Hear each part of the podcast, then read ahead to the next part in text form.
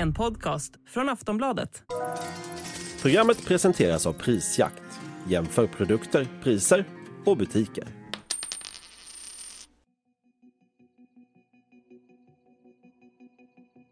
President Zelensky kräver att Ukrainas försvarsdepartement ska utvecklas och har nu sparkat försvarsministern. Олексій Резніков пройшов ці більш ніж 550 днів повномасштабної війни Ja, det har varit flera rykten om Ukrainas tidigare försvarsminister Oleksij Resnikovs departement. The defense ministry has been accused of, of uh, actually having uh, several issues regarding corruption. Bland annat om ett inköp av en massa vinterjackor som kostade 210 miljoner kronor men som inte var anpassade för att klara av kyla. Och han fick beskedet i söndags av den ukrainska presidenten och har nu lämnat in sin avskedsansökan. Och det är inte första gången som Zelensky har sagt upp någon ur sin stab. Till exempel så blev alla regionala chefer på Ukrainas militära rekryteringskontor uppsagda i mitten av augusti. Orsaken var misstankar om korruption. Under helgen har det samtidigt rapporterats om attacker i Odessa-regionen. Det ukrainska luftförsvaret har kunnat stoppa stora delar av de ryska drönarattackerna men vissa nådde fram till sina mål och civila har dödats. The Ukrainians claim they've shot down 22 of the 25 drones, but inevitably uh, these drones fall and cause a lot of damage along the way. Så vilken rysk strategi ligger bakom de senaste attackerna? Vad är orsakerna till att den ukrainska försvarsministern fick sparken? Och väntas Zelenskyj rensa bort fler från sin ledning? Det ska vi prata mer om i dagens avsnitt av Aftonbladet Daily. Jag heter Ellen Lundström. Gäst är Johan Hovinen, överstelöjtnant på Försvarshögskolan. Johan, det har kommit uppgifter om flera attacker i Odessa-regionen under helgen och också under natten till måndagen. Hur ser situationen ut där nu? Jo, vi ser ett, ett mönster av ryska attacker mot infrastruktur som, eh, som finns i området i hamnar. Eh, och eh, attackerna är primärt riktade mot hamnarna och dess eh, lager utav spannmål det uppstår i, omedelbart när man slår mot de här eh, oljedepåerna och mot eh, eh hamnanläggningarna och mot eh, spannmålslagen så är det ganska omfattande bränder som, eh, som eh, uppstår omedelbart och det är de som, som man har fått eh, och ta kontroll över. För det är två civila som uppges ha avlidit efter attackerna. Vad vet man om hur skadeläget är just nu i det området?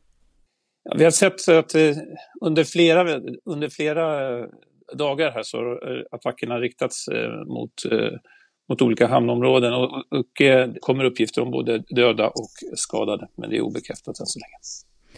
Så om du säger så uppges Ryssland ha attackerat en av Ukrainas största hamnar för spannmålsexport i stan Ismail som ligger vid gränsen till Rumänien under natten till måndagen. Och det hände ju bara några timmar innan mötet mellan Putin och Erdogan ska dras igång i staden Sochi, där de ska ta upp det här spannmålsavtalet som Ryssland har dragit sig ur.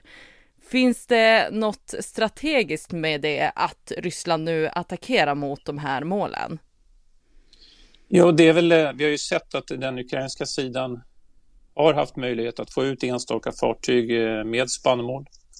Och eh, nu har, ser vi också att Ryssland har intensifierat sina attacker mot, inte bara mot Ismail utan även mot Odessa, mot staden Reni som också ligger precis på gränsen jämte Ismail och även Mykolajev som ligger längre österut längs Svarta havskusten. Och det är de här hamnarna som jag räknade upp här, varifrån spannmålet som Ukraina eh, försöker föra ut. Eh, men eh, det, man kan nog ana att det, det ryska, de här ryska attackerna eh, får kopplas samman med att man vill försöka slå ut totalt eh, möjligheterna för den ukrainska sidan att föra ut spannmål. Och därför har man nu också attackerat bränsledepåer eh, som gör att de fartyg som kommer utomlands ifrån för att hämta spannmål i, i till exempel Ismail eller i Reni inte kommer att kunna genomföra detta, detta eh, med anledning att man inte kan bunkra så som man fartygen behöver göra. Det här är förstås eh, mycket eh, allvarligt för den ukrainska sidan och mycket väl planerat av den ryska sidan att på det här sättet försöka minimera eh, den, eh, ryska, eh, den ukrainska möjligheten att föra ut spannmål. Och Ryssland vill ju gärna ta över antagligen delar av den här spannmålsexporten. Så att den ryska sidan kommer nog att möjligtvis eftersträva att få till ett avtal med Turkiet i den här frågan. Och som du nämnde så har de ju förutom Ismail också attackerat Reni. Vad innebär det att de närmar sig den rumänska gränsen? Ja, det är ett stort eh, risktagande såklart från, eh, från, den, eh, från den ryska sidan. Både Ismail och, och Reni ligger precis på gränsen och det är ju egentligen bara vattendraget i Donaudeltat som, som skiljer de här två orterna eh, som ligger ett par hundra meter skulle jag säga eh, till rumänskt territorium. Så att det är ju en stor risktagning att beskjuta de här platserna och det finns ju till och med obekräftade uppgifter att någon enstaka drönare ska ha slagit ner i Rumänien men det förnekas utav, utav den rumänska sidan. Eh, men det, vi ser ju att, att Ryssland är villiga att ta sådana här risker om det, om det ger dem fördelar. Eh, så det är, en, det är en allvarlig situation förstås. För Rumänien tillhör ju också NATO. Ja, absolut. Och det är just, det, just den här eh, risktagningen med att använda eh, kryssningsrobotar som man har gjort och nu drönare också eh, mot mål. Och det, vi, vi pratar om, jag har själv stått nere i Ismail och tittat över, jag har också stått i Reni och tittat över. Det är, det är inte bredare än, än, än eh, vattendragen i, kanske mellan Sverige och Finland, Torne älv sådär. Så att, eh, att man då får en, eh, använder kryssningsrobotar ett par hundra meter ifrån eller drönare ett par hundra meter ifrån ett annat land, det skulle ju kunna skapa incidenter som hade varit väldigt onödiga. I det här fallet att eh, provo provocera Rumänien och, och NATO. Och vad är egentligen anledningen till att Zelensky har sparkat Ukrainas försvarsminister? Det ska vi prata om när vi alldeles strax är tillbaka.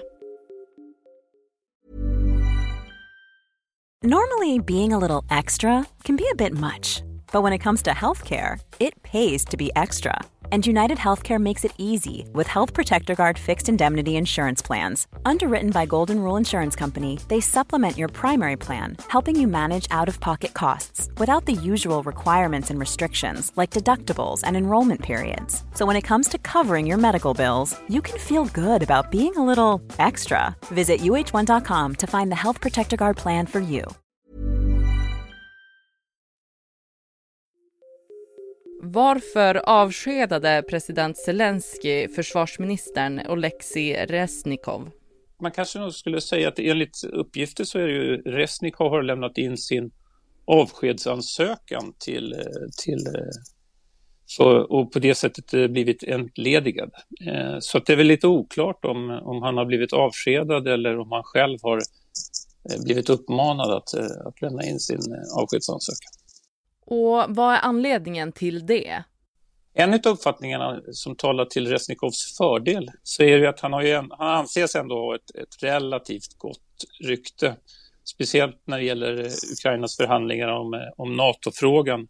Där den har gått egentligen från att vara en icke-fråga till att, att den senast nu i somras behandlades i, i Vilnius med ändå en, en, en, en, pos, en relativt positiv inställning till möjligheterna för en ukrainsk eh, utveckling i, i den frågan.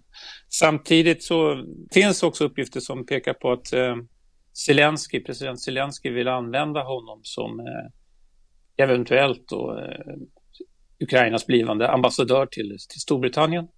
För att Resnikov har ju ett, eh, ett gott nätverk efter att ha jobbat som eh, Ukrainas försvarsminister i nästan två år.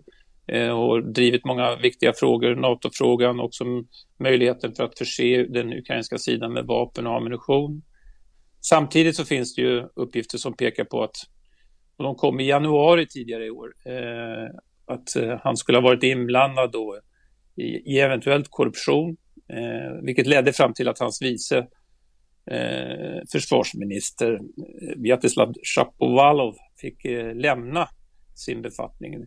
Och det handlade om att det ukrainska försvarsministeriet hade köpt in matvaror till alldeles för höga priser.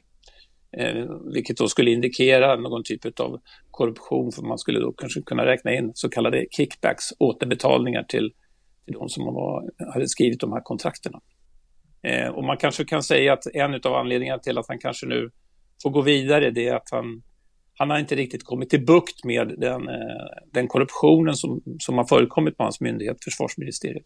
Där det nu finns eh, sedan ett antal år tillbaks en en övervakningsmekanism som gör att sådana här eh, olika typer av frågor kommer upp med jämna mellanrum om hur är det korruption eller är det bara oskickligt hanterande utav olika inköpskontrakt. Och det har ju också kommit påtryckningar från utifrån, speciellt från USA, om att man måste gå till botten med alla typer av misstankar om korruption. Och det ligger ju framför allt om om man ska ha fortsatt amerikanskt stöd så måste man kunna visa att, eh, att man verkligen vidtar åtgärder.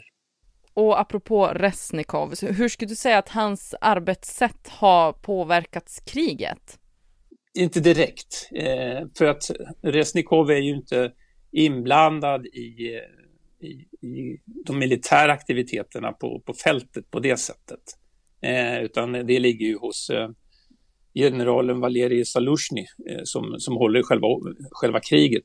Resnikov som försvarsminister är mer ansvarig för just den här typen av frågor, att eh, eh jobba för ett fortsatt eh, militärt stöd till Ukraina, anskaffning av olika statliga kontrakt eh, som har handlat om till exempel uniformspersedlar eller matanskaffning. Så, så det är ju, det har legat på hans bord och inte, mera, och inte det direkta eh, kriget. Men å andra sidan så är det också, är det, finns det misstankar om, ska vi säga, om, om korruption i det här fallet då, så sprider ju det sig i, i det ukrainska eh, samhällets eh, rykten om det.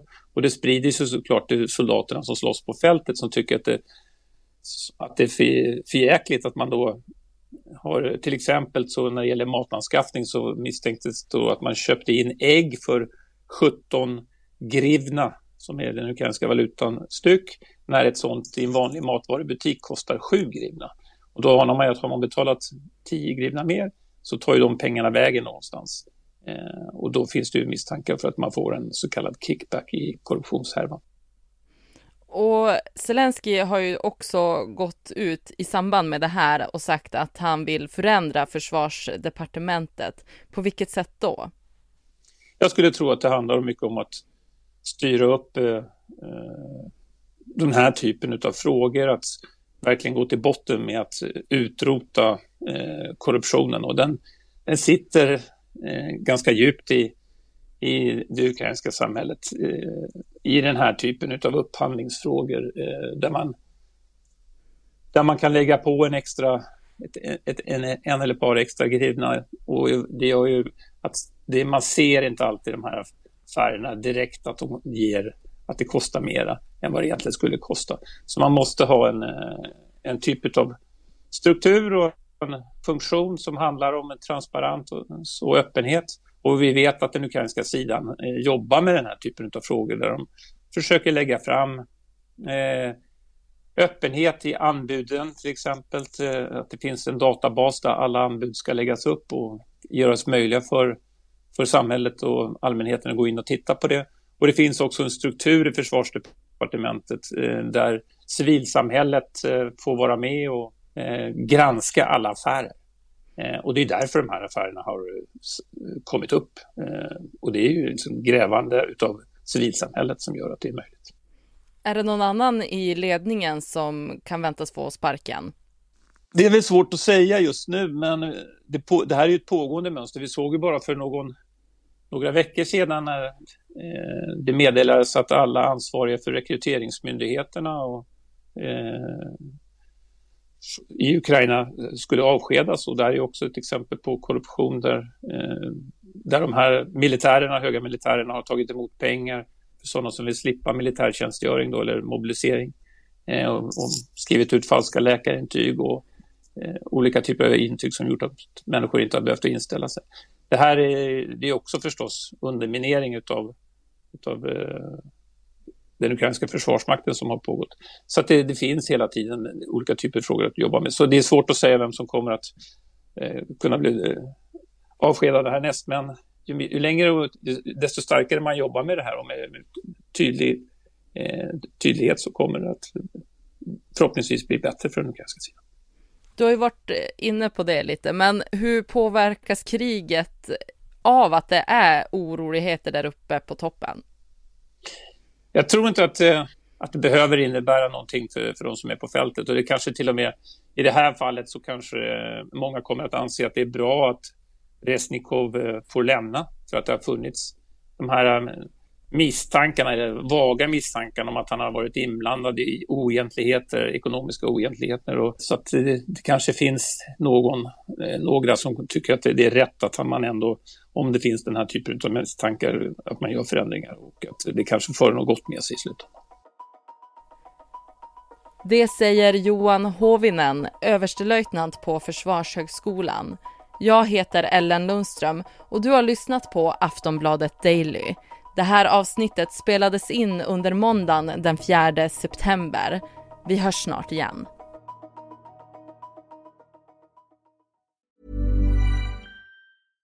Hej, jag Ryan Reynolds. At Mint Mobile, we like to do the opposite of what Big Wireless does. They charge you a lot, we charge you a little. So naturally, when they announced they'd be raising their prices due to inflation, we decided to deflate our prices due to not hating you.